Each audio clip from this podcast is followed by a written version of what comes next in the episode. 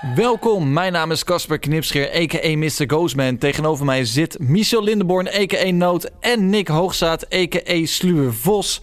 Dit is Bral, seizoen 3, aflevering 5.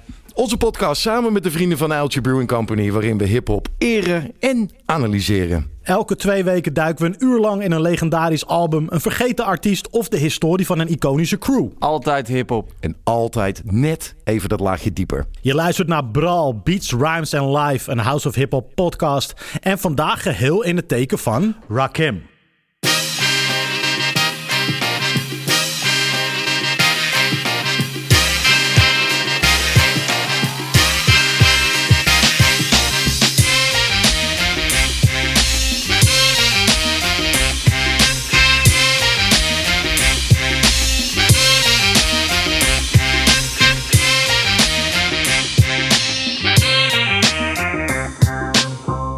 Goed dat je weer luistert. Vandaag weer een uur lang rondom één onderwerp waar we eens uh, lekker diep induiken. Zo doen wij dit al het hele seizoen lang. Um, ja, ik kan het vergelijken met onze specials die we eerder deden. Bijvoorbeeld over Enter the Wu-Tang en A Tribe Called Quest. Vergeet die en al die andere. Bijvoorbeeld Kanye West was dope. Ja, was tof. Welke vind jij nog dope? Rafting Goods. Hoppatee. Kan je allemaal checken op gebral.nl. En vandaag duiken we terug in de tijd. Naar een man die je met recht een grondlegger kan noemen. Een MC die de blauwdruk voor het vak misschien wel heeft neergelegd. Aanwezig in zo'n elke serieuze discussie over the greatest of all time. Ik heb het over Rakim. Het komende uur duiken we in zijn eh, discografie, zijn werkwijze, zijn impact, zijn leven. Jawel, een levende legende op deze snijtafel voor ons, jongens. Ja, een beetje luguber is dat misschien, Ja, maar... maar goed, we gaan, we gaan het ontleden op een vrolijke manier. um, Sluur Vos, Rakim, over wie hebben we het? Ja, we hebben het over William Michael Griffin Jr., geboren te Long Island, New York in 1968. Begin jaren 80 begon als MC met de naam Kid Wizard. Maar na zich bekeerd te hebben tot de islam is hij daarna al snel beter bekend uh, geworden als Rakim. En onderdeel van het legendarische duo Eric B. en Rakim. Uh, alweer in 87 brachten zij hun legendary debuutplaat Paid in Full uit. Uh, over dit album en zijn latere albums komen we natuurlijk nog uitgebreid te spreken. Maar om even te schetsen waar we het over hebben. De God MC, zoals die ook graag genoemd uh, wordt. Uh, verkocht alleen al in de Verenigde Staten 5 miljoen platen.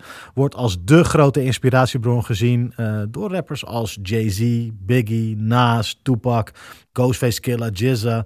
hij wordt gezien als de belichaming van de transitie van ja, simpele oldschool staccato flow naar wat meer complexere flows en rijmschema's. En die weg naar de legendary status begon dus allemaal bij dat ene album, dat volgens MTV het beste hip-hop album aller tijden is. This is a journey into sound.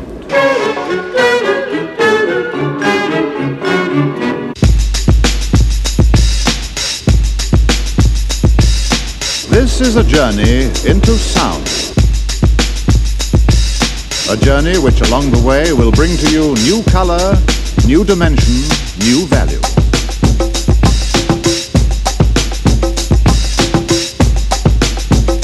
When all is ready, I throw this switch. Pump up the volume, pump up the volume. Pump that bass.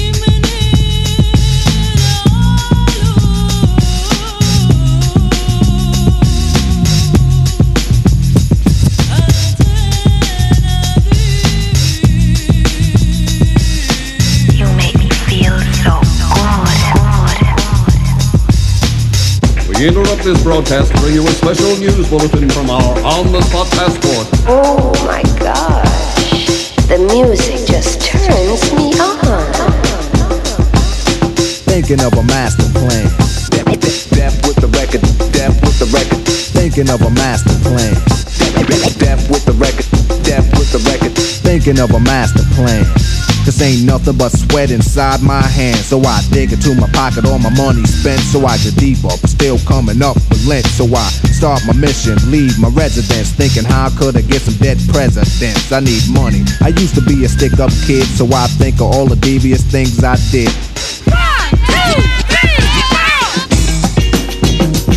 I used to roll up. This is a hole up. Ain't nothing funny. Stop smiling. You still don't nothing move. But the money. But now Ja, I'm learning to earn 'cause I'm 1987, righteous. Paid in Full in de Cold Cut remix. eh, die we hebben gekozen omdat dat met afstand eh, op dit eh, continent eh, de grootste hit van dit album is eh, geweest. Mhm, we zullen het zo nog even hebben over of we dit album de meest geslaagde remix vinden. Maar Paid in Full dus, 1987. En ehm, ja...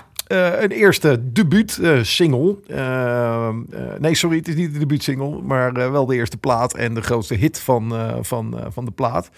Ehm, en wat ik al zei, dit is ook op dit continent, sterker nog in ons land, in wat eigenlijk nog niet zo'n hip-hop-minded kikkerlandje was op dat moment, gewoon een vijfde plek in de single top 100. Kijk. Dat Ja, is toch eh, wel netjes. Ik bedoel, in die dagen waren ook De La Soul en zo stonden eh, in de top 40. Nou, dat, dat kan je nu niet meer... eh, Nee, nou ja, precies. En, en het was een vreemde eend in de buiten. Hè? Want er stond Zeker. natuurlijk gewoon veel meer, ja, weet ik veel. Wat kwam er allemaal uit dan de Paling Sound stond vooral heel erg in de top 10. Nou goed, dat succes dat begon allemaal zo'n twee jaar eerder. toen Eric B., de DJ van de legendarische crew Eric B. en Rakim, op zoek was naar een MC. En dat via een radioshow deed middels een oproep. Eh Rakim op dat moment reageert en eh, in 1986 samen met Eric B. eh, Eric B. is President uitbrengt. Een track die op de radar komt van Russell Simmons, die ja, bij Def Jam zit. ehm, en ze via ehm, ja, eigenlijk een ander label aan een deal brengt. Volgens mij is het Island Record, als ik me niet vergis. Ehm, en die ja, leidt dan vervolgens dus tot deze single en het gelijknamige album. Ja. Ja, en de start van eh, onze reis vandaag, eh, waarin we misschien eh, aan het eind van de rit kunnen bepalen met elkaar, is, is de beste man de GOAT, de ja of de nee? Ja, en het is natuurlijk voor ons ook allemaal best wel interessant om hierin te gaan. Want we zijn niet met de man opgegroeid. Nee, Het is allemaal van ver van onze tijd. zeker. dus we, zeker. moeten het, we moeten er teruggaan. We hebben onze geschiedenisboeken in moeten duiken. De een wat meer dan de ander.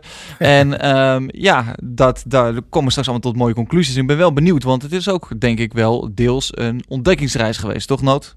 100%. Nee, het is precies zoals je zegt. Kijk, de, de singles, eh, eh, de grote tracks, die heb ik allemaal wel eens voorbij horen komen. Eh, maar precies zo, voorbij horen komen. En, eh, en veel teruggeluisterd eh, later. Eh, maar voor een eh, podcast als deze, dan eh, duik ik echt even al het materiaal in. Ja, dan is er gewoon echt nog heel veel wat ik niet, zeker niet op mijn netvlies had. Of zelfs gewoon helemaal nog niet goed kende. Mm. Dus een ontdekkingsreis waar we iedereen graag, graag in meenemen. En ehm, ja, ik ben wel even benieuwd, zonder meteen het, het antwoord op die goat-status neer te leggen. Maar als je dit beluistert, Vos, ehm, eh, lyric-wise, wat, wat, wat vind je daarvan? Hoe vind je hem klinken ehm, ten opzichte van de andere artiesten in, in die jaren? Nou ja, we kunnen natuurlijk niet heen om die iconische openingsbars. Thinking of a master plan, cause ain't nothing but sweat inside my hand. Je voelt door zo'n opmerking meteen de urgentie van... oké, dat masterplan is echt nodig. Hij gaat er ook nog even dieper op door. So I dig into my pocket, all my money spent. So I dig deeper, still coming up with lint. So I start my mission, leave my residence. Thinking how, I could, how could I get some dead presidents. Eh, hij heeft echt geld nodig. Ja. Eh, en als je denkt aan Dead Presidents, dan denk je misschien aan Jay-Z en dan weer aan Nas. Want Jay-Z heeft ooit Nas gesampled met eh, het, het woord Dead Presidents. Maar de originator van de term Dead Presidents is Rakim. Eh, hij legt het ook uit in een interview. Hij kreeg toen hij zes was van een oom telkens een 100 dollar biljet. Die oom had hem eigenlijk beloofd om mee te nemen naar Disney, maar die oom kwam er niet aan toe. Dus toen dacht hij van, nou weet je, hier heb je 100 dollar, is ook leuk. Ja, en Rakim kreeg dat biljet en dacht, maar wie, zei, wie is toch die man, weet je wel? We- we- En wie zijn die andere mannen op die andere biljetten? Toen had die oom gezegd, het zijn dead presidents. En Rakim zegt het dan als volgt, daar heb ik nooit meer over nagedacht, totdat ik begon met rijmen. Eh, en toen connecte hij die dead presidents en, en werd dat in één keer slang voor geld, omdat Ja. hij dat bedacht heeft. Ehm Want op dollars in Amerika staan eh dode presidents, presidenten. Ja.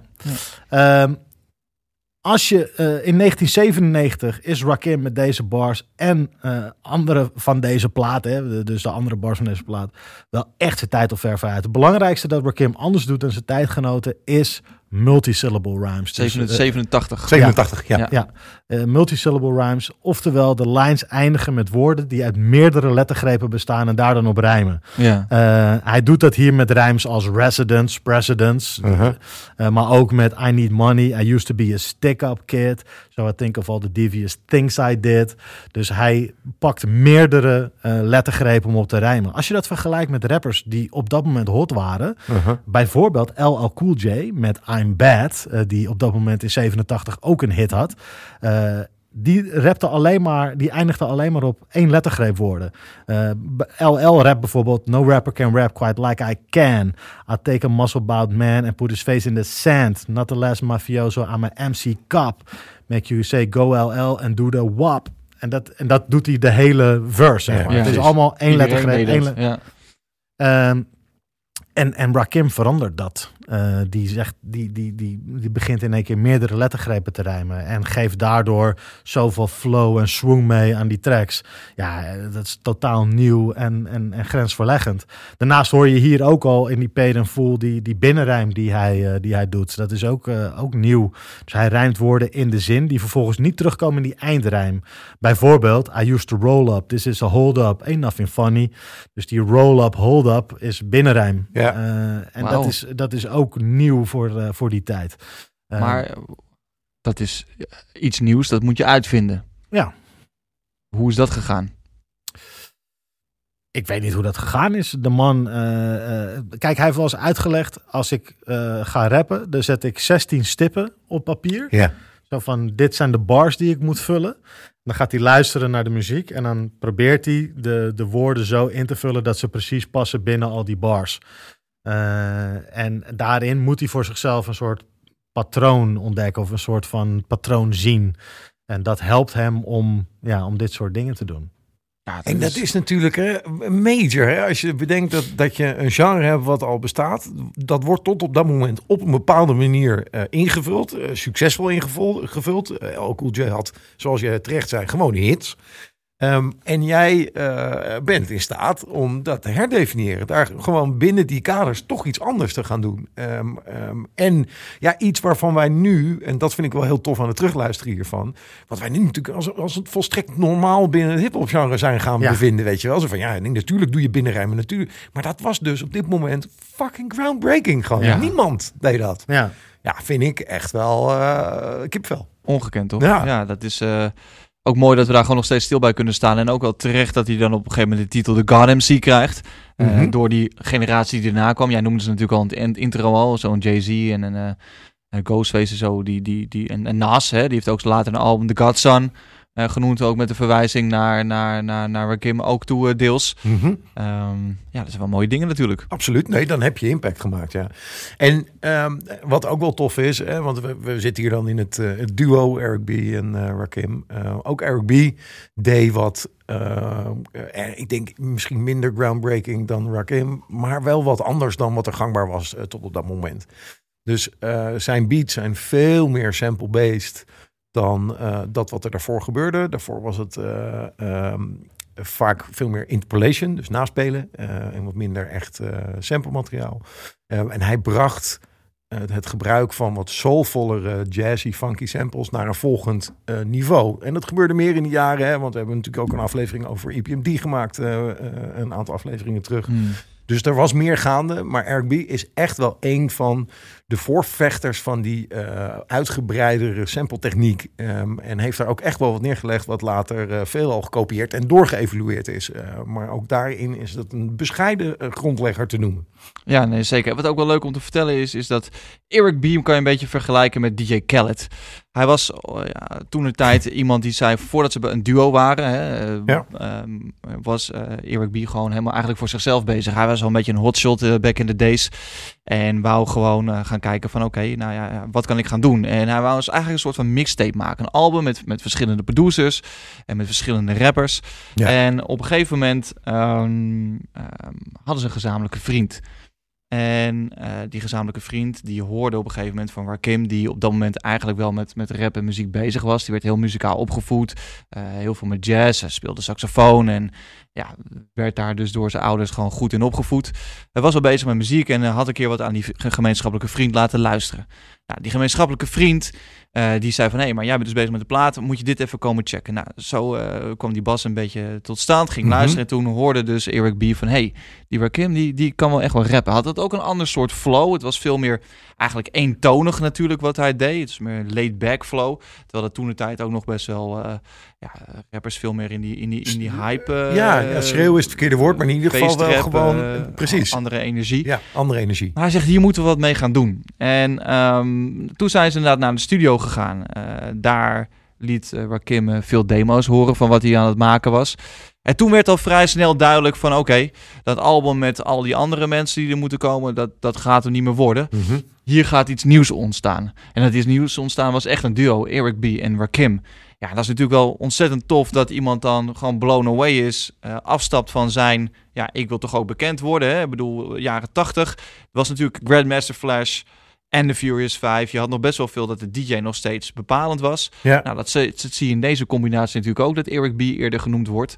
Ehm, en dat Rakim ehm, ehm, als rapper als tweede genoemd wordt. Jesse Jeff en de Fresh Prince. Hè? Die, die kwamen natuurlijk ook in die periode eh, daarna. Nog een verwijzing daar naartoe. En ehm, ja, het is eigenlijk wel gewoon, gewoon mooi om te zien hoe, hoe dat dan ontstaan is. Dus dat dat, dat, dat toen opeens zo'n zo'n power duo werd. Want Eric B. was eigenlijk de zakenman. Die regelde alles, die had alle connecties. Ja, en er ging ook het gerucht dat hij uiteindelijk niet zo heel veel heeft geproduceerd, daadwerkelijk voor die plaat, zeg maar. Dat Klopt. het meeste werk door Rakim is gedaan, ook op, ook op de beats. eh, eh, dat Rakim het meest heeft gedaan. Eh, Eric B zegt er zelf over van, nou dat is eh, onzin. We hebben samen eraan gewerkt en we hebben samen, eh, daarom hebben we ook gedeelde productiecredits, zeg maar. Ja.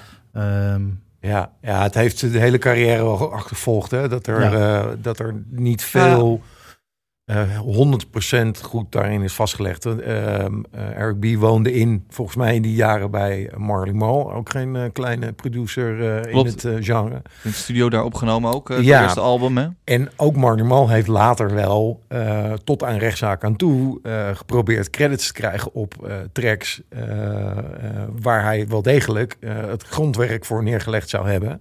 Ehm, zo niet dan wel misschien de hele de tra- track geproduceerd zou hebben. Dus het, het blij- en ook later is ze dat nog wel eh, achtervolgd. Large Professor, eh, ook zo'n soortgelijk verhaal. En, eh, ja, dat, dat is interessant. Er is, er is wat mystiek zit daar omheen. ja. Ehm, en, en, en wat jij ook zei, hè, die Rakim die zo'n andere flow en, en delivery had in die tijd. Het werd ook niet echt meteen begrepen. Er is ook zo'n anekdote van eh, MC Shan. Die eh, nou, op dat moment eh, redelijk aan top of the game zat. Die, die, die hoorde dat en die, die gaf echt gewoon goed bedoeld advies. Van weet je, je, moet- je, moet- niet zo rappen. Moet je niet doen. Nee, maar dat gaat niet werken. Dat moet je, gewoon, moet je niet doen. Nou Ja, dat, eh, dat liep wat anders. Dat liep allemaal wat anders. ja, Nagaan. mooi hè? Nou, dat is inderdaad, je zal het advies maar hebben gegeven. En Marley Mal was eigenlijk ook geen fan van, van dus daarvan. En die had Shen inderdaad in de studio erbij gehaald van praat alsjeblieft Ja. even sense in die man. Want die laid-back flow, het is dope, die binnen rhymes en al die schema's, oké, het is cool. Maar hey, mensen willen een beetje geëntertained worden. Nou ja, waar Kim, als je hem ontmoet hebt, dan zit hij altijd zo met één hand. Zo op zijn knie, zo voorover, zo gebogen. Ja, die, die zei van nee, dit, eh, dit blijf ik gewoon doen zoals ik het doe. En uiteindelijk heeft hij wel gelijk gehad, gelukkig. eh en thank God daarvoor. En kwam er dus eh, een tweede plaat.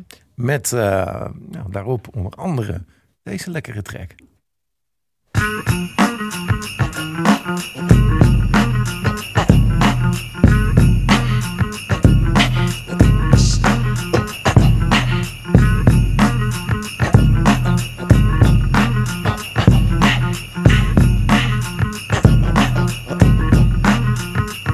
I was a fiend.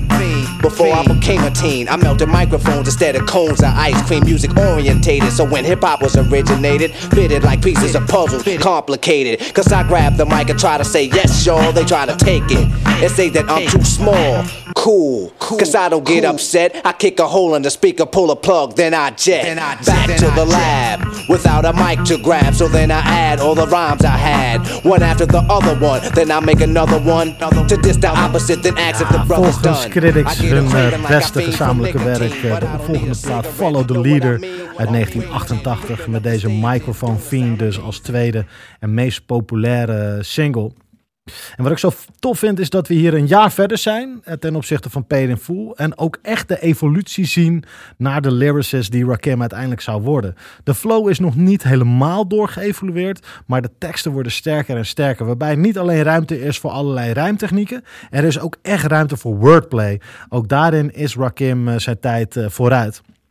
Hij zegt bijvoorbeeld: eh The invincible microphone fiend Rakim, spread the word, cause I'm in EFFECT. A smooth operator operating correctly. Dus spread the word is natuurlijk het woord verspreiden. Maar daarna, na de zin spread the word, het eerste woord wat hij daarin, daarna zegt, spreidt hij ook door Ja. het te spellen.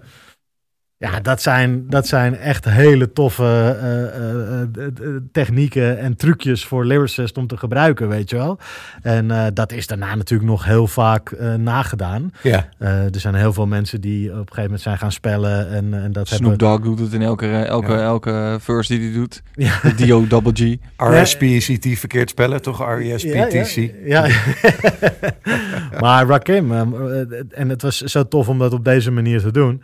Ja, en deze hele verse blijft de hele tijd ook on topic met allerlei verwijzingen naar verslavingen. Die hij vervolgens koppelt aan zijn verslaving op de mic. En dat maakt dit ook zo'n unieke vette track, zeg maar.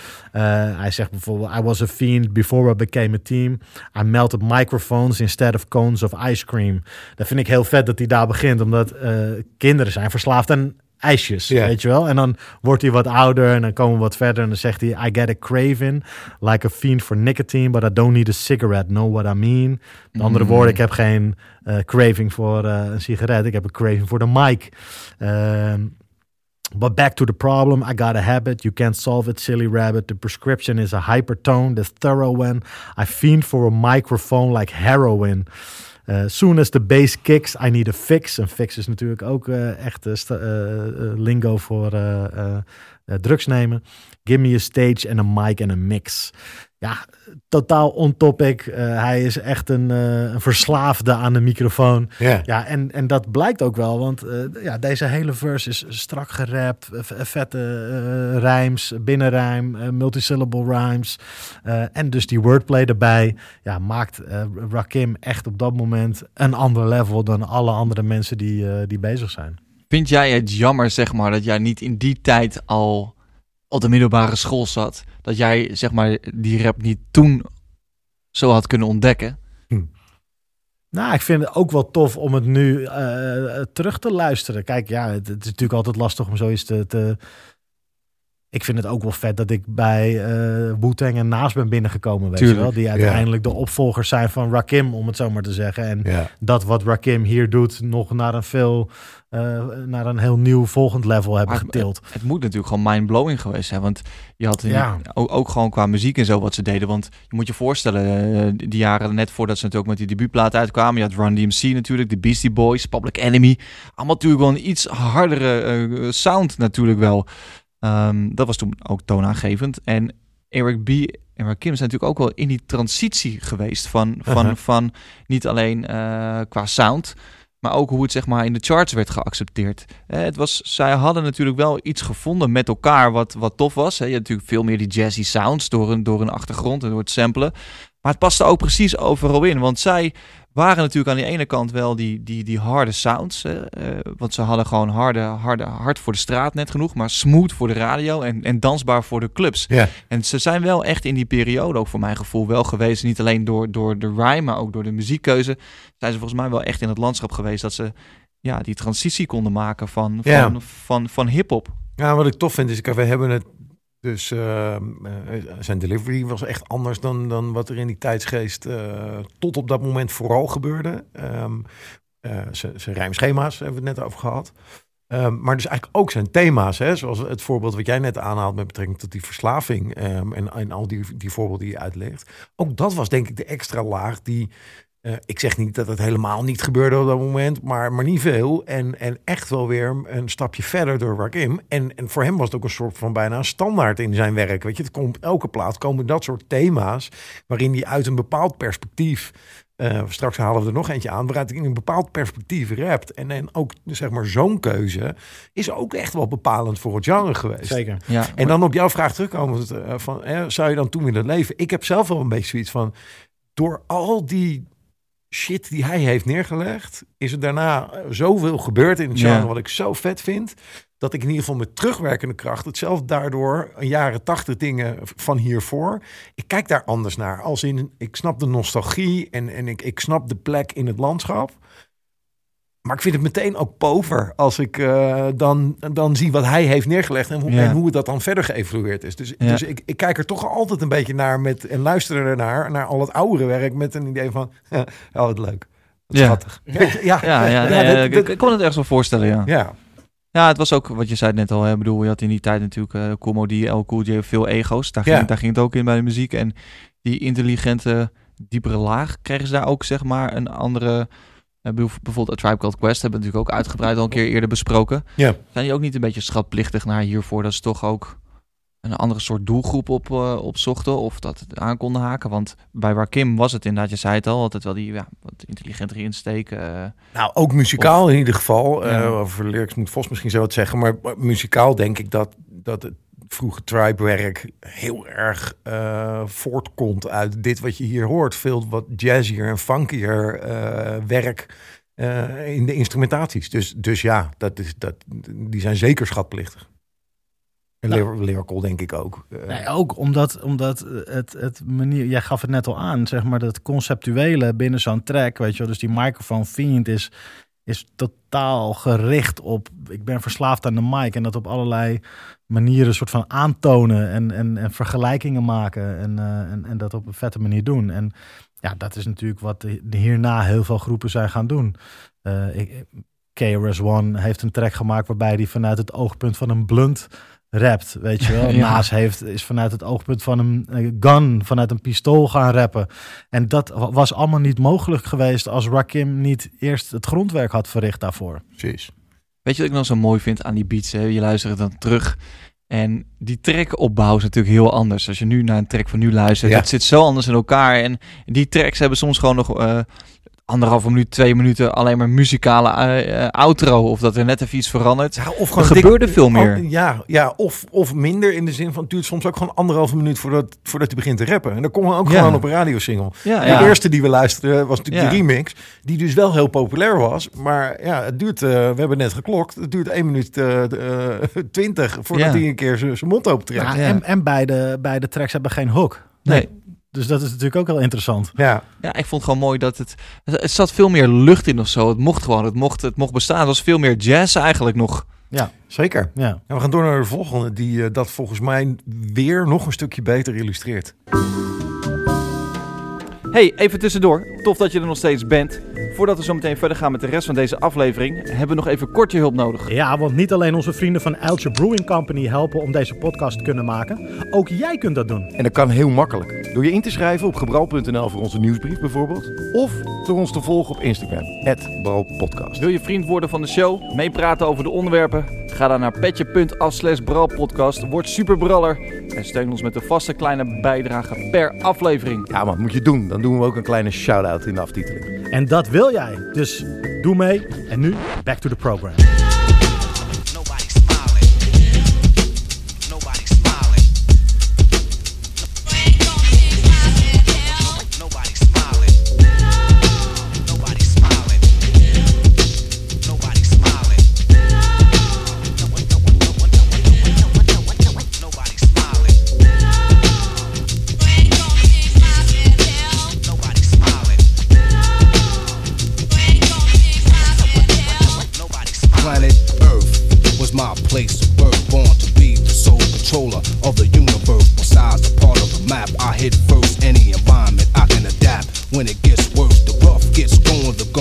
Ja, in the ghetto. Ja, weet je trouwens hoe jullie de- dat ik deze track eh, heb leren kennen? Nee. Door GTA. Van Andreas. Je hebt allemaal van die radiostations natuurlijk. Ah. Zit en daarin? daarin, eh, volgens, mij, eh, volgens mij wel, ja. Of in ieder geval Eric B. Kim zit met een track in. Volgens mij is dat eh Oh, de ghetto. Moet ik- Dat weet ik niet helemaal procent zeker, maar eh, daar moest ik net aan denken toen, eh, toen we boodschappen aan het doen waren. Toen dacht ik, hé, volgens, mij, eh, volgens mij was dat hem. Nice. Ja, we kruipen dus naar eh, de 90s met hun derde album, Let the Rhythm Hit 'em. Ja, in de ghetto. Een plaat die eigenlijk gewoon goed illustreert waar dit album weer verder ontwikkeld is ten opzichte van het vorige album. Ehm, je kan zeggen wat meer serieuze eh, thema's. Een meer ja, maatschappij eh, politieke Rakim. En ook wat rauwere producties. Eh, sommige experts zeggen ook wel dat het het meest consistente plaat is. En dus, misschien ook niet onverdiend, krijgt deze plaat pas, zeg ik toch wel bij, Five Mikey's in de source. Jawel, dat Mhm. toont ook toch nog wel wat aan, of niet, Noot? Nee, eh, ja, 100%. Volgens mij had Peden Voel hem wel ook hoor. Of heeft hij hem dan met terugwerkende kracht toegekend? Dat zou kunnen. Dat zou wel eens Ja. kunnen. Maar het geeft in ieder geval aan dat... eh, Het niveau. eh, het niveau. En vier albums in, dat je toch steeds verder blijft ontwikkelen. En dat ook de critici dat, dat er, erkennen. Ja. Ehm, deze plaat zou oorspronkelijk door producer Paul C. worden geproduceerd. Maar die werd in 1989 vermoord. Ehm, en op dat moment werd er een jonge en nog eh, onbekende eh, producer Lars Professor, we halen hem al even aan, binnengehaald om een aantal van die tracks uncredited af te ronden. Dus eh, mee te werken, maar ja, vooral gewoon vlieguren te maken en niet zozeer heel veel geld daarvoor te verdienen. Lees Hey, niet. Dat gebeurde Ehm, toen gewoon. Dat gebeurde toen gewoon, precies. Ehm, en het is misschien dus ook wel mooi om het daar toch nog even over te hebben. We haalden het eerder al even aan. Er is altijd wat mystiek rondom wie produceert nou wat. En wat was nou echt die rol van Eric B. En, en ik vind dat die discussie vaak gaat over wat deed Eric B nou wel of niet. Maar eh, wat ik ook wel interessant vind, is dat er is ook wel bekend, volgens mij, dat Rakim zelf eh, achter de knoppen zat. Dat klopt helemaal nood, want he ain't no joke als een producer. Hij heeft eh, toch in die early days, eh, eh, tenminste dat is zijn verhaal, Ja. 80% van die platen zelf geproduceerd. En het, het grappige is ook wel, ze gingen dat eerste album ook gewoon maken. Er was niet veel tijd, dat hebben ze, eh, zoals de legend gaat, in één week eh, opgenomen in ieder geval. Ja. Ehm, en waar Kim vertelde ook wel in een interview dat hij leerde produceren door een engineer die in, later ook een vriend van hem werd, eh, Patrick Adams. Want hij had wel het idee van ja, ik wil wel, ik heb die teksten al en ik weet wel ongeveer hoe het moet klinken. En hij had een hele grote platencollectie thuis, die nam je dan mee naar de studio. Maar had geen idee hoe je moest gaan samplen. Dat heeft die Patrick hem dus gewoon geleerd. Ehm, en hij ging dan letterlijk met een, met een met een krat platen naar de studio toe, ging dat luisteren en pakte daarna zei van dit wil ik in een loop hebben, dat wil ik in een loop hebben, dit moet zus en zo. Die Patrick heeft hem geïntroduceerd en hè, Rakim heeft die skill daarna zelf ook uitgebouwd en eigenlijk gewoon die concepten van die platen eh, daarvoor neergelegd. Eh, ja, Eric B is inderdaad, zover ik het heb begrepen, in ieder geval uit het boek wat ik heb gelezen, Sweater Techniek van Rakim, eh, toch in die dagen meer de zakenman geweest die de deals regelde, dat het geplucht werd. En niet zozeer zelf de producer zelf. Ehm, en als ik Rakim mag geloven, heeft hij dus in die early days die, die 80% van die dingen zelf gedaan. Ja, het is wel mooi om te zien dat het tot altijd een soort van mystiek blijft van hoe dat gegaan is. Ik vind het ook wel mooi erbij passen. Ik weet ook niet of ik al de behoefte heb om dat helemaal uit te gaan pluizen hoe dat precies zit, want ik vind het ook wel iets hebben of zo, dat het een beetje mistig is. Eh, Ja, zeker. Ja, ik blijf, ja, het is wel echt interessant, want het gebeurt, nou ja, het gebeurt misschien nog steeds. Kijk, ghost producing aan zich is natuurlijk nog steeds wel een fenomeen wat bestaat. Hè? Dus Ja. waarbij een producer eh, dingen maakt voor een Ja. andere producer en zijn naam daar nooit van terug eh, ziet. Eh, maar waarop er wel zeg maar, op papier zaken worden eh, geregeld. Eh, Ja. en, en het komt altijd wel uit ook. Ja. een soort van. Ja, wat denk ik nu anders is als toen, is dat nu de producer ook veel meer een force to be reckoned with is, weet je wel. De producer is een op zichzelf staande merk. Ja. En dat was denk ik toen wat minder. Toen was het nog wat meer de DJ De of zo. DJ. De DJ en, de, en, de, Ja. en de MC, maar nog niet zozeer de producer. De producer was toch dienend aan, eh, aan de artiesten. Ja. En de artiesten waren de DJ en de rapper. En ehm, de producer is naarmate de tijd vorderde natuurlijk ook meer een merk voor zichzelf Ja, geworden. fair point. Compleet met naamtags in beats en eh, weet je wel. Dat, En het is Eh. ook misschien wel een aanname voor ons. Hè? Het is Eric B en Rakim, dus je verwacht dat Eric B ook wel wat doet. een aandeel heeft in. Ja, en eh, ja, nee, dat is toch inderdaad een slecht verhaal. Met, ja, nou, Ja. Eric B en Rakim. En Rakim staat er. Wat doet Eric B? Ja, die is even de contract aan het nalezen Ja. backstage. ja. Ja, en het was ook wel mooi toen hij, Rakim zei in een interview eh, ook zo van,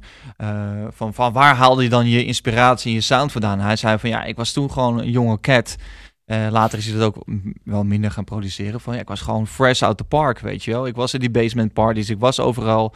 Eh, Ja. Daar hoorde ik al die platen waar we overheen rapten. Ik hoorde al die samples en daar pakte ik al die stukjes uit. En dus hij was eigenlijk met die, met die met, zeker met die eerste platen, gewoon heel fresh, omdat hij nog overal was. En, en Nou, dat en- gaf ook wel de kracht natuurlijk. Dat hij altijd een beetje vooruit liep op wat, wat nog gemaakt ging worden. Nou, en dus dat proces zoals jij het schetst, dat impliceert natuurlijk ook dat er veel meer door elkaar heen vloeit. Hè? Want een ghost producer, die wordt gewoon, oké, maak 10 beats en geef ze aan me en ik breng ze uit onder mijn naam. Alleen in een maakproces waarin een Rakim binnenkomt met, hey, deze 10 platen, je moet dit stukje samplen en dat.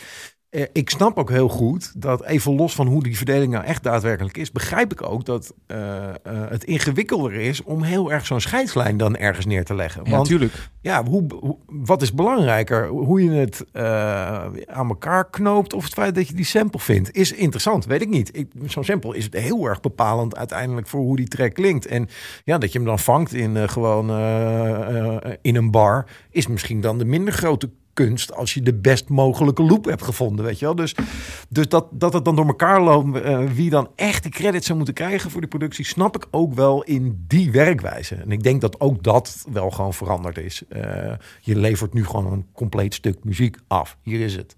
Ja. Ehm, Of, ja, nou ja, over eh, goede producers gesproken. Ja. Met wie die later ging werken. Nou, ik was nog even benieuwd, want jij zit, dat boek ligt hiervoor, hè? Ja. Die, eh, dat is een tof boek. Dat, Ja. dat gaat over zijn, eh, eh, nou, gewoon volgens mij het hele, dat is een biografie. ja, dat heeft hij zelf zeggen. geschreven. Ja. Precies, dat is sowieso Wist ook. het niet zelf geschreven. Hij heeft, hij heeft het verteld en iemand anders heeft het Ja, opgeschreven. exact. Correct Ehm, ik ben, zit daar nog wat aandacht in naar eh, de Fallout? Want we, we zijn natuurlijk bij het laatste plaat van het duo aangekomen. Ja, nou uiteindelijk kwam het er gewoon wel op neer dat ze er gewoon eigenlijk zakelijk gezien niet zoveel uitkwamen. Eh Nee. Waar Kim eh, eh, was een beetje bang dat hij vastgelegd zou worden door Eric B. Of Eric B was eigenlijk bang dat Rakim er vandoor zou gaan. En eh, ja, er zijn gewoon verschillende verhalen over. Later hebben ze ook wel gezegd, ja, we zijn nooit uit elkaar gegaan. We zijn gewoon gestopt met samenwerken. Ja. Maar komt het een beetje op hetzelfde neer. ja, ja, ja. Ehm, maar ik moet heel erg zeggen van ja, daar- zijn wat wel verschillende dingen eh, over te vinden. Ja, nee, ja, precies. Dus er is niet één, eh, één eh, verhaal. Ook dat hebben ze volgens mij ook vaag gehouden. Ja. Dat, ja.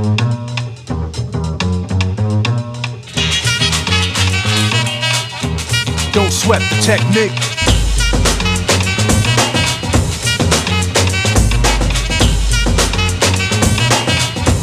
Don't sweat the technique.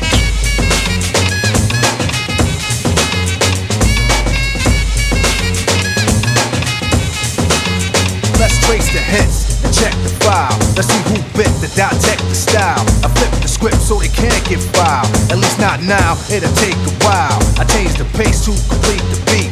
I drop the bass to MCs get weak. For every word they trace is a scar they keep. Cause when I speak, they freak to sweat the technique.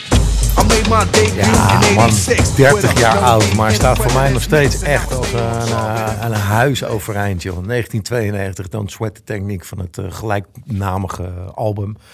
Eh, Jazzy, funky, harde drumpatronen, echt wel pittige drums. En Rakim in bloedvorm, echt smullen. Ehm, en in alle opzichten is dit hele album, wat mij betreft, ook weer een uitdieping van, van die hiervoor kwamen. Weet je wel? Eh, nog verder die, de, de, schema's en, het talent, de skills, zeg maar, ontwikkeld. Maar ook eh, die thematiek, eh, nog meer een conscious eh Rakim. Op deze plaat komen er volgens mij, ik kan vast wat meer over zeggen, maar voor het eerst nog meer wat maatschappij-kritische en, en politieke thema's naar voren dan, dan op de plaat hiervoor. Ehm, ja, echt, echt, dit is mijn persoonlijke favoriet. Eh, en deze luister ik ook echt nog wekelijks. Zo. Ik vind dat zo'n funky beat. En eh smullen, lekker. Ja. Ja, waar hij op zijn eerste albums al echt eh, pionierswerk verricht, maakt hij wat mij betreft hier weer een volgende stap. Want nu is ook zijn flow Ja. steeds meer echt een wapen. In het begin was het nog voornamelijk lyrical of daarop op gericht. En, en, en de, de, de, de teksten, eh, ja, de, de flow kon daar nog wel eens onder lijden. Ja. Eh, maar nu is het echt helemaal in balans met een flow die ja, hoeft nergens echt woorden uit te rekken om de bar te halen. Of eh, hij hoeft geen pauzes te, te- alles loopt gewoon door. Eh, en, en, en, en wat zo vet is, is dat dit is nu echt waar je de andere wat, wat je hoort in die andere rappers, zeg maar. Dus dit is wat, hoe Nas rapt, weet je. Dit is waar Big Pan eh, vandaan komt. Dus deze manier van rappen, dus de bar vol rappen. Natuurlijk kun je wel af en toe een pauze houden, maar eh, in principe de bar vol rappen en iedere bar weer helemaal eh, doorpakken zonder een woord op te rekken of weet je wel. Keihard. Ja, dat is echt heel vet. En er zitten ook zoveel toffe lines in als... eh, eh, they wanna know how many rhymes have I ripped and wrecked, but researchers never found all the pieces yet. Scientists try to solve the context. Philosophers are wondering what, what's next. Ja, Vind ik zo vet. dus, en researchers, scientists en philosophers, allemaal op hun eigen manier Ja, ja, ja, ja. bezig om te ontdekken hoe vet Rakim wel niet is. Eh, ook, Misschien ook- feitelijk nog wel waar ook. ja, misschien wel. Ja, je, je ziet wat wij doen. Ja, daarom. Eh, raps vergelijken met muziek spelen ook. Pencils and pens are swords. Letters put together for, from a key to chords. Vind ik heel vet. En ook een contrast creëren in je raps. Dus complete sides and new heights after I get deep. Ja, Vind, Ja. ik, vind ik ook vet. Dus wat Rakim eh, ja, gewoon anders maakt, is dat hij speelt met taal. eh, en dat ook nog eens doet op een hele lekker lopende flow. Want deze beat, hij is jazzy en, en het is Ja. funky. Maar had niet gewerkt als Rakim er overheen had gerapt met de flow van Paid in Full, zeg maar. nee, precies. Dus eh, het feit dat hij zich doorontwikkelt, maakt ook dat deze beat perfect voor hem is. Ja, en die, die, die instrumentaties zijn ook echt wel breder geworden. Hè? Want eh, die eerste twee platen, veel, eh, veel James Brown samples. Die overigens ook, Ja. Eh, ook de rechtszaal, eh, rechtszaal heeft opgezocht. Natuurlijk. Om, eh, Money, money, money. ja, dat vond ik ook zo mooi. Want de- er was in die jaren... ehm, de hip-hop heeft natuurlijk lang, of misschien nog steeds, het stigma dat makkelijke muziek is. Hè? Ik bedoel, je, je gebruikt iets van een ander. Er is niks knaps aan. Dat, dat, en dat was zeker in deze jaren best wel de heersende opvatting bij ieder, bij ieder die niks met het genre had. Ehm, en, en er was dus ook wel vaak een kwaliteitsdiscussie. En eh, je zou soms wel eens denken, mensen dachten ook wel, ja, misschien dat James Brown eh, de, legacy van zijn muziek inderdaad wilde bewaken. Maar het ging gewoon echt 100% Ja, natuurlijk. Geld, geld, geld. Ja, ja, dat ja. zie je na zijn nalatenschap van James Brown zie je dat ook nog steeds. Nou, ja. bij deze plaat eh, waren er in ieder geval meer mensen die de rechtszaal op konden zoeken. Omdat er dus een stuk meer artiesten werden gesampled. Zoals eh, Bob James, later natuurlijk ook nog vaak eh gesampled. Ja, een van de meest gesampelde gasten. Drum, in zijn Ja. drum, ja. precies. Average White Band, Baby Huey, nou, van alles. Ehm, en wat ik tof vind is, eh, we hadden het net over die thema's en het verder uitdiepen en, en die perspectieven die, eh, die Rakim eh, soms eh, in zo'n track kan leggen. En hier doet hij dat ook weer eh, vanuit ehm, over de Golfoorlog. Ja. Op deze plaat. Ja, Ja. op deze plaat is dat dan. Op, precies, op Ja. deze plaat. Ehm, eh, dus niet in- inderdaad de track die we net hebben geluisterd, maar op dit album. Ehm, waar die dat dus ook weer een stukje verder trekt. Waar die dus, eh, hoe, van- hoe, hoe doet hij dat dan? Hij gaat dan uit het perspectief van een eh, Amerikaanse soldaat die vecht in de Golfoorlog, eh, maar ook moslim is. eh, ja, schetst hij zijn perspectief over hoe hij dat meemaakt en kritiek zeg maar op, eh, op het voeren van die oorlog. Ehm, en ook dat is denk ik echt wel weer iets wat, wat nog niet veel gebeurde op dat Nee. moment. Hè? Dus maatschappijkritiek was er natuurlijk wel. Er was ook gangsterrap die, die heel erg ging over het niet hebben van kansen in achterstandswijken. Maar, maar dat een, een, eh, weer een stap verder trekken door echt vanuit de beleving van een fictief persoon feitelijk eh, dat verhaal vertellen, die storytelling, ja, dat, eh, dat, dat zeldzaam goed niveau. Nog één technisch dingetje wat Rakim ook voor het eerst deed was ehm, niet zijn rijm eindigen als de bar eindigde. Ja, Hoe bedoel je dat precies? nou ja, als de zin nog niet klaar was, dan ging hij gewoon door in de volgende bar. Eh, Hmm. In de track die je net hoorde, dan Sweat the Technique, zegt hij op een gegeven moment... I speak indiscreet, cause talk is cheap. Then I get deep in the beat, then complete. En dan gaat het zin door, Ja. complete. De poem is fysiek. Maar poem is fysiek is in de volgende bar. Ah. En dat, eh, dus hij opent de, de, bar, bar. eigenlijk met het einde van zijn eh, zin, einde van zijn rap. Eh, en dan pakt hij hem gewoon door. Poems fysiek, never weak or obsolete. They never grow old. Techniques become antiques. Dus het, het vette is dat hij niet, eh, zich niet gekaderd voelt van ik moet mijn zin afmaken. Nee, hij, hij laat hem gewoon doorlopen. Eh, in een andere track doet hij dat zelfs nog heel letterlijk, want dan benoemt hij het ook. Ja. Dan zegt hij op een gegeven moment van eh, the bar cannot kept inside of the. Dus dan, eh, dan wacht hij even tot de volgende bar begint om, eh, om het om en en hij benoemt het dus ook op het moment dat hij het doet. Dus dan Het Ja. moet echt een speeltuin geweest zijn voor hem om dit te doen. Ja, Ja. Ze, ze zeggen ook wel, en ik snap dat wel. Hij, hij, jij zei dat al, ja- uit een jazznest. Ja. Speelt zelf ook eh, saxofoon, eh, Ja. meen ik. En Ehm, er zijn ook wel parallellen waar je zegt van ja, wat hij met zijn stemmen, met zijn flow doet, is, is jazz-improvisatie. Ja. Ook al is het uitgeschreven en uitgedacht en misschien niet zozeer improvisatie. eh, niet zoals wij het nu terug horen, Ja. maar, maar wel gestoeld op de vrijheid van jazz. En de schema's en de flow en, exact, en, ja. en, en geen regels, eh, geen beperkingen zien daarin. Precies. Ja, het was ook zo toch dat, eh, volgens mij heb je me een keer verteld, dat onlangs in 2019 of zo ook nog iets uitkwam rondom deze Ja, track. nou die, die koppeling met jazz was, eh, eh, ja, dit, zit eigenlijk vooral, gaat het er over die Pede plaat. Ehm, eh, die hebben ze in eh, 2018 nog eens een keer opnieuw uitgebracht. Met een heel jazzorkest. Ja. Ehm, eh, dat is heel tof, want daar, ja, daar hebben ze dus alles verjazzed. Ehm, af en toe eh, misschien te jazz. Iets te- hè, iets te wel jazz. Iets te jazz. Dat het zo'n weg meandert en dat je denkt, oké, maak even een punt. Maar eh, een, eh, eh, bijvoorbeeld de Microphone Fiend eh, versie die op die plaats staat. Ik zal hem delen op die landingspagina die we bij deze podcast maken. Is echt een aanrader. Is echt heel tof. En daar ho- hoor je zo goed hoe dat, eh, hoe dat samenwerkt. En eh, ja, Eric B. en uh, Rakim zelf overigens ook hun zegen aan dat project gegeven. Eh, omdat ze dat ook echt, eh, nou ja, eh, ze, ook zij zien die parallel natuurlijk, want ze komen daar vandaan. Eh, toffe tip. Been a long time, been a long time, It's been a long time, time. It's been a long time, the microphone solo with.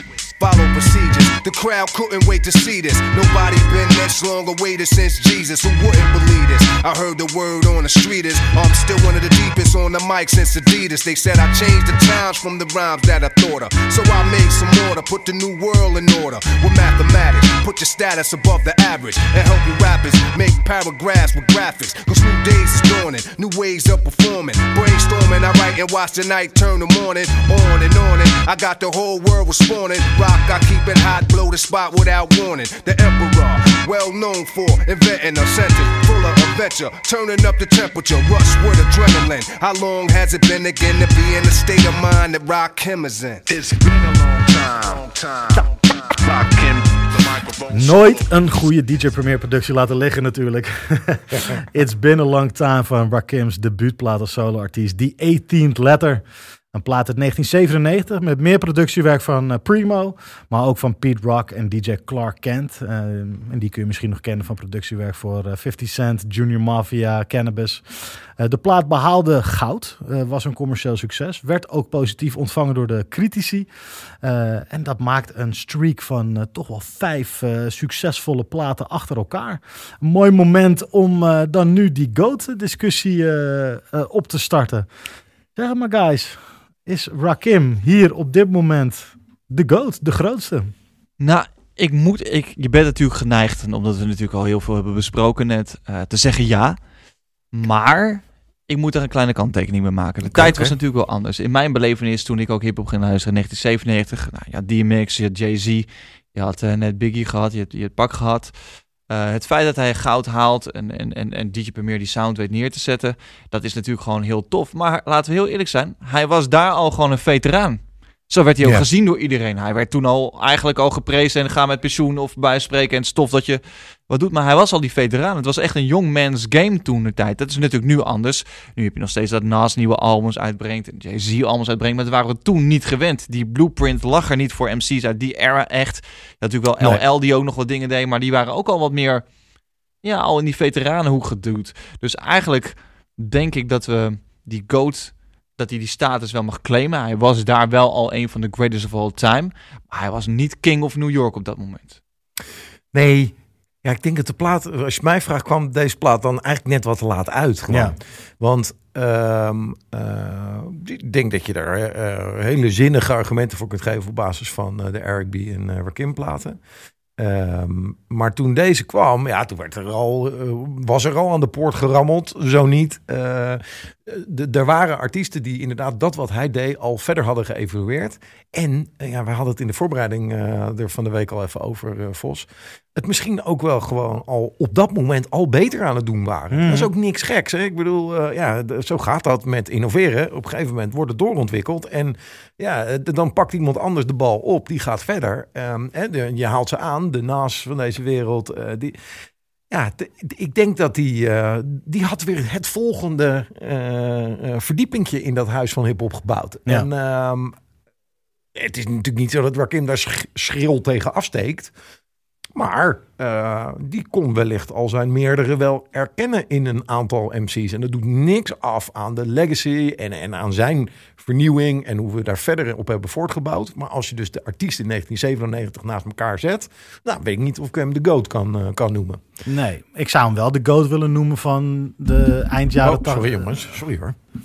Ik zou hem wel de GOAT willen noemen van de eh, eind jaren 80, begin jaren 90. Ja. Dus op het moment dat hij al die innovaties doet, is hij de greatest of all time. En misschien wel eh, mogen we hem ook daarom überhaupt noemen als GOAT, zeg maar. Ook nu nog. Zo van, ja, je- als je zulke belangrijke innovaties hebt doorgevoerd in de rap game. Ja, juist nu kunnen we dat dan weer zeggen, toch? Omdat we nu weer zoveel jaar verder zijn Ja. en kunnen uitzoomen. Ja. Als je kijkt van wie is er nou echt heel erg belangrijk geweest, dan is Rakim toch wel top 5. Nee, zeker. Dus, dus wat dat betreft, dat, daar ben ik het mee eens. Alleen als we puur kijken naar wat was de plek van Rakim eh, binnen hip-hop op het moment dat hij de 18th letter uitbracht. Ja, ja, eens. Dan was hij gewoon op dat moment niet de greatest eh, die bezig was. Maar het album aan zich, als we naar kijken, het is wel gewoon een heel lekker album, toch? Ja, het is wel een lekker album, maar het is niet wereldschokkend fantastisch goed, weet je wel. Nee. Het is gewoon tof. Eh, er wordt lekker op gerapt. niks mis mee. Maar ja, blaast het me echt omver? Nee, ook niet. Eh, en om eerlijk te zijn, als eh, Primo niet deze track had gedaan, Nee, ja. dan was het album echt nog wel een stuk minder geweest. Hmm. Het is wel belangrijk geweest dat Primo twee, twee joints heeft toegevoegd, zeg maar, eh, aan, aan de catalogus van. van Ja, ben ik helemaal met je eens. En die, die ehm, hoe heet dat nou? Die openingstrack, de, de, de, de single van deze track, die Guess Who's Back. Dat, Guess was, dat was in, best nog wel, een, eh, nou een hit wil ik niet zeggen, maar die, eh, als je het dan hebt over die jaren MTV, de box, eh, daar waar je hip-hop kon checken en clips kon checken, was dat er echt een die best wel in de rotatie zat. Mhm. Eh, vond ik ook een toffe, frisse productie. Dat was mijn entry tot Rakim, zeg maar. Ehm, hè, die zat eigenlijk altijd wel in het rijtje EPMD, The Joint. En dan kwam deze en dan kwam er... Nou, de, de- echt wel een fijne track. Mhm. Maar ik vind vooral eh, zijn beatkeuze eh, later bij zijn solowerk... Ja, eh, problematisch. Ehm, echt niet heel vaak heel erg vet. Nee. Dat ontspoort gewoon wel geregeld. En, en dat is jammer, want dat doet, ja, dat doet geen recht aan, aan zijn toffe verses. Maar goed, hij brengt daarna nog, een- nog een album uit, twee jaar daarna. Hij gaat gewoon door, hij houdt die flow te pakken. En daar staan toch nog best wel, best wel lekkere tracks op, toch? Internationally known when I be on the mic. I'm internationally known, yo. I'm internationally known when I be on the mic. So all hail the un- un- honorable. It's to my real ill niggas, heavyweight hitters, dope getters, 50 ways to make figures. My niggas, they come on the spot to fail sisters, like the head rail spitters, the kids on the ziggas ziggas. When it's ugly, then the club is lovely. Thugs be sipping Hennessy and bubbly to my comrade they keep it flaming hot on dangerous blocks, claiming spots where the goal is to be one of the top ranked soldiers. 45 holders, one of the high rollers, get respect in the hood. Credit is good, knock it down lumberjack style, baby, extra wood. Rock it all night long, the bangathon, baby, keep hanging on. We like it with the lights on, don't have to. Ja, oké. Misschien eh, ja, het is toch ook wel een favoriet. Het is natuurlijk sowieso heel lekker om twee premiere tracks in één aflevering te kunnen doen. Dus dat is alleen, Altijd al, goed, alleen ja. al heel fijn. Ehm, ja, When I Be on the Mic van Rakim, geproduceerd door Premiere, afkomstig van het uit 99, eh, in 99 released album The Master. Ehm, en daar valt hier en daar best wat te genieten. Maar dit is wel exemplarisch, denk ik, voor waar we het net over hadden. Ehm, hij was ingehaald gewoon door de mensen om hem heen. En ehm, eh, voor iedereen voor wie hij de inspiratie was, eh, ja, die, die hadden de bal gewoon opgepakt en eh, waren ermee verder gegaan. En ehm, eh, ja, dat vind ik op deze plaat nog duidelijker dan, dan op de vorige. Ehm, en ja, ook hier weer de beatkeuze. Kijk, we draaien natuurlijk graag de parels in deze podcast, omdat we, je wil ervan kunnen genieten. En dit is er één, vind ik in ieder geval. Uh, maar ja, ik heb naar de volgende parel op deze plaat al een stuk beter uh, moeten zoeken, zeg maar. Eh, het is geen slechte plaat. Nee, maar zijn flow, ik vind hem, als je hem hier zo hoort rap, is nog steeds gewoon wel echt wel on point. Het is nog steeds beter dan gemene rapper die we daarna ook hebben gehoord. Maar er staan ook wel wat tracks op die uh, redelijk langzaam. Dit is best wel up tempo. Ja. Uh, er staan ook best wel wat langzame tracks op. En dan wordt het toch wel ietsje saaier om naar te luisteren, zeg maar. Zeker omdat hij wel. Er zijn. Kijk, waar hij het verschil maakte was met zijn lyrics en met de trucs die hij deed en de wordplay die hij deed. Uh, waardoor zijn flow, die over het algemeen redelijk monotoon en uh, rustig en op hetzelfde level blijft, Mhm. mm -hmm. uh, dat viel wat minder op, omdat hij zo verbaasde met wat hij zei. Dat die verbazing met wat hij zegt is natuurlijk wat afgenomen. Als je nu kijkt naar andere dudes die op dit moment bezig zijn, de Big Pans van deze wereld en de uh, nou, 99, dan hebben we zelfs Eminem al uh, die om de hoek komt kijken. Ja. ja, dan hebben we alweer hele andere karakters in de game die. die, die ja. Lijkt me lastig ook, hè? Dat uh, als je dan gewoon Rakim bent en je moet iets uitvinden, weet je wel. Er waren niet echt meer mensen ja, behalve LL, wat ik al zei, die toen nog bezig waren. Ja. Wat moet je dan gaan doen? LL had de keuze gemaakt om een beetje een seksschot te zijn natuurlijk. En uh, ja. die R&B-hoek uh, in te duiken. Maar Kim bleef hierbij. Um, werd ingehaald.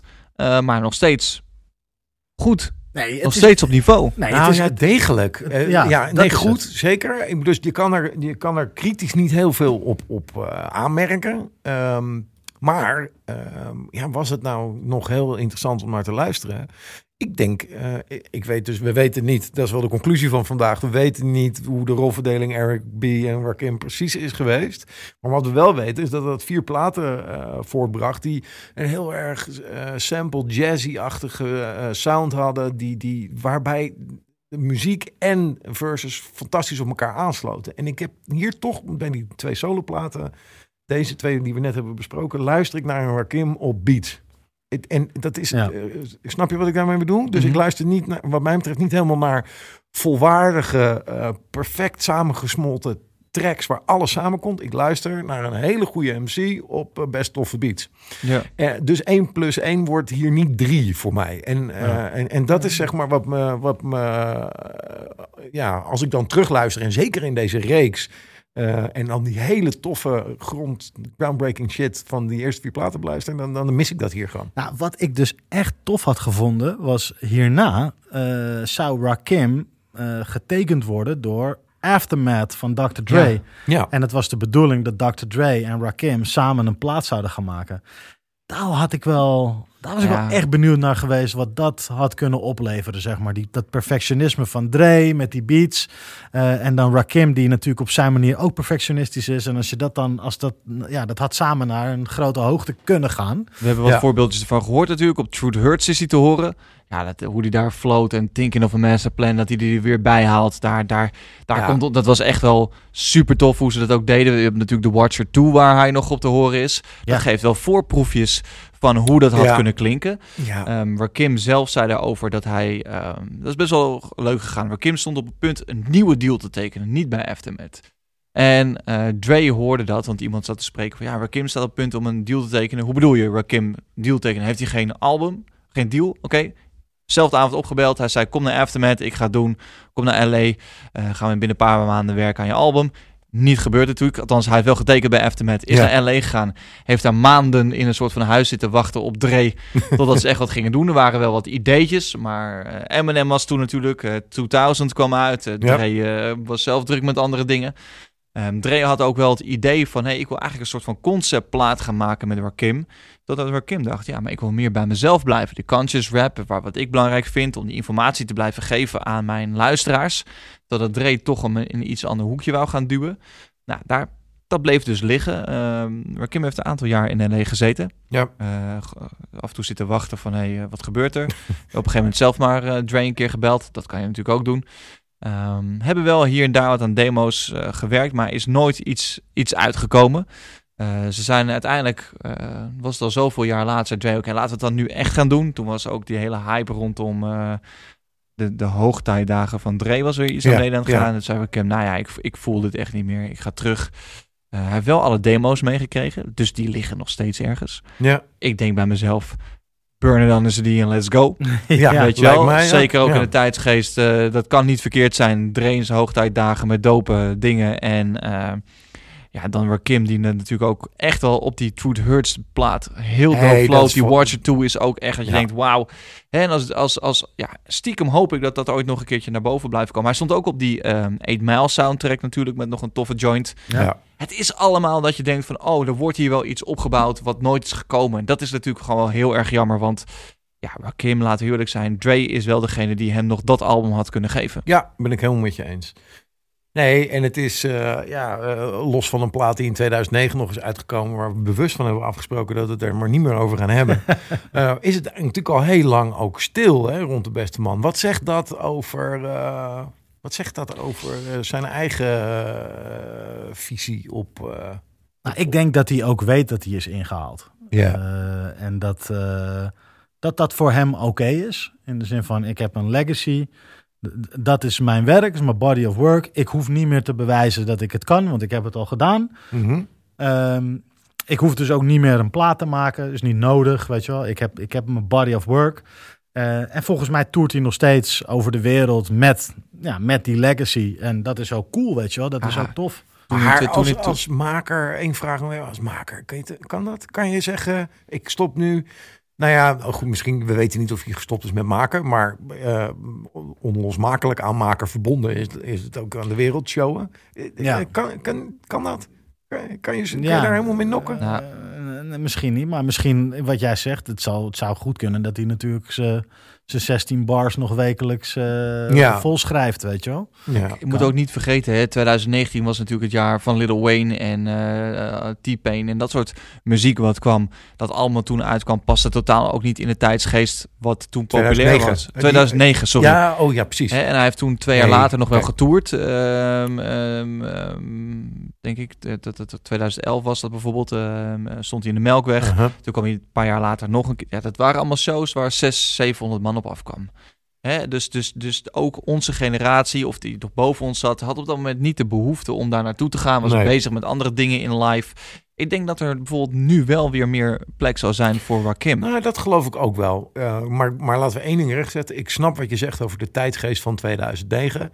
Maar die plaat is gewoon niet goed. Nee, nee, maar dat, dus, dus eh, in dat welke, klopt. Ik bedoel, dat, eh, het is wel een glijdende schaal van nog moeilijkere beatkeuze en, en nog meer ingehaald en worden. verkeerde keuze. Mm, 100, ja. ja. Dus, dus, maar goed, wat, wat wel weer leuk is, we hebben toen een masterclass gedaan op de Herman Brood Academie met hem. Eh Brainpower heeft hem toen eerst in de Echo eh, geïnterviewd in Utrecht. Ja. Ontzettend interessant over hoe, hoe, hoe rap gaat en hoe dat werkt en eh, hoe dat in elkaar zit. Vervolgens is hij wel met zijn, ehm, ja, ehm, al zijn klas en al zijn ideeën die hij heeft, is hij naar de Herman Brood Academie gegaan. Ja. En is hij één op één gaan zitten met studenten. En een van die studenten die toen op de Rock, Rock Academie zat, die was er ook bij, dat was Ronnie Flex. Nou denk je, dat is een raar bruggetje naar Ronnie Flex. Ik zeg, ja, dat is ook zo. Maar eh, die sprak ik eh, toevallig vorige week nog. En toen zei ik van, ja, ik ben bezig met Rakim. Want Rakim komt ook weer naar Nederland voor een show. Zegt hij, wow, ik kan me dat nog zo herinneren. Het maakte zo indruk. Toen die tijd, toen wij opkwamen, eh, was net voor drank en drugs en dat hij echt uploadde. Zei hij, al die rappers van toen de tijd hadden moeite met ons nieuwe jongens. En, en hadden daar moeite mee en alles. En hij was dat in die, in de masterclass zei van... Nee, die nieuwe mannen, die Team Pain en, en Lil Wayne en zo... Die doen het gewoon heel goed. Hip-hop evolueert. Ik heb het gedaan. Ik bracht iets anders. En deze mannen brengen nu weer iets anders. Ja, tof. En voor Ronnie zei hij tegen mij, dat werkte echt voor mij als een soort van... hey, het kan dus, het mag dus en het is ook hiphop en het hoort er dus gewoon wel bij met wat wij doen. En dat vind ik ook mooi aan Rakim, dat hij op een gegeven moment weet van... hey, dit is mijn status, dit is mijn legacy, ik ben die motherfucking legend... En daar leef ik ook naar. Ik geef die inspiratie. Ik neem die tijd om naar een school te gaan om met nieuwe studenten te praten. En ook al ligt het heel ver weg soms van wat hij heeft gedaan, kan hij daar op die manier toch nog wat toevoegen. En zegt dat hoort er gewoon bij de Circle of Life en bij de Circle of Hip Hop. En ik, wat ik net ook al zei, ik denk dat als een Rakim nu met een goede producer gaat zitten met een Primo of met een Dre Mhm.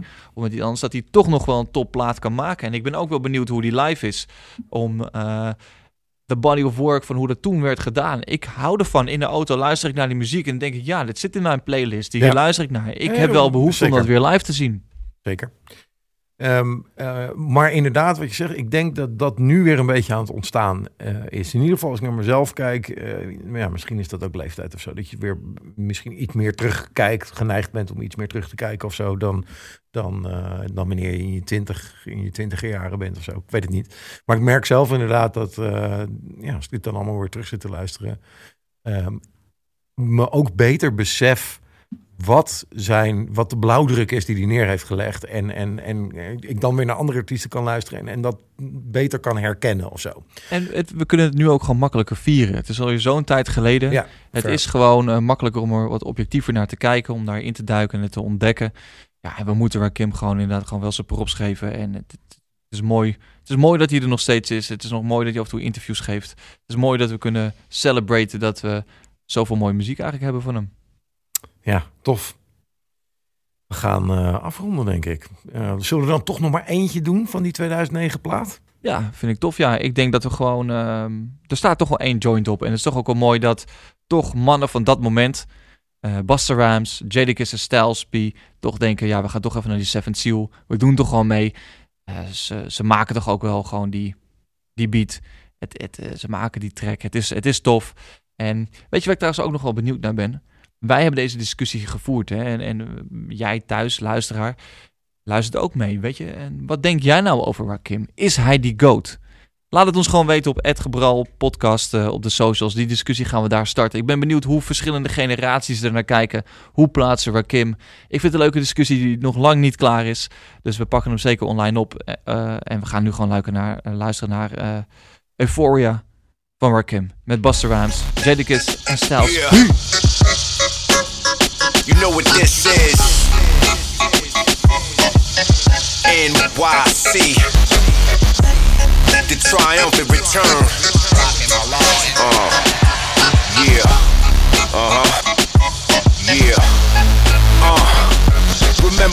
introduced to rap your first rhyme is pivotal. Like a fiend's first high, hustler's first rhyme, player's first dime. Unforgettable like a lady's first time. The world been waiting for euphoria, the true form with the sixth sense. New nausea, true talk to the tune, so you force me to go hard like the streets is a womb. In New York, we the birthplace of hip hop, get it in's the motto. Where swagger was born, we set trends to follow. The home of the gods, the go getters, and my flow in the city. Daarmee zijn we aan het einde gekomen van deze aflevering van Bral, Beats, Rhymes and Live. De podcast waarin we samen met de vrienden van Alger Brewing Company hip-hop eren en analyseren. Wil je niks missen? Wil je meer achtergronden? Kans maken op kaarten voor toffe shows? Schrijf je dan in voor onze nieuwsbrief op gebral.nl. En geef ons natuurlijk ook even die follow op social. Bral Podcast op Instagram. Bral Podcast op Facebook. Kom gewoon lekker in contact. Deze podcast wordt ook door jou mogelijk gemaakt. Tenminste, als je een petje af hebt afgenomen op petje.af slash bralpodcast. En ons helpt met een kleine bijdrage. Een mooi bedrag. Ehm, en dan ben je een heel goed gezelschap, toch nood? Inderdaad, want zo gingen Nicky, Rick, Marlijn en Kim je al voor. Daar wil je natuurlijk bij horen. En voor nu, tot de volgende.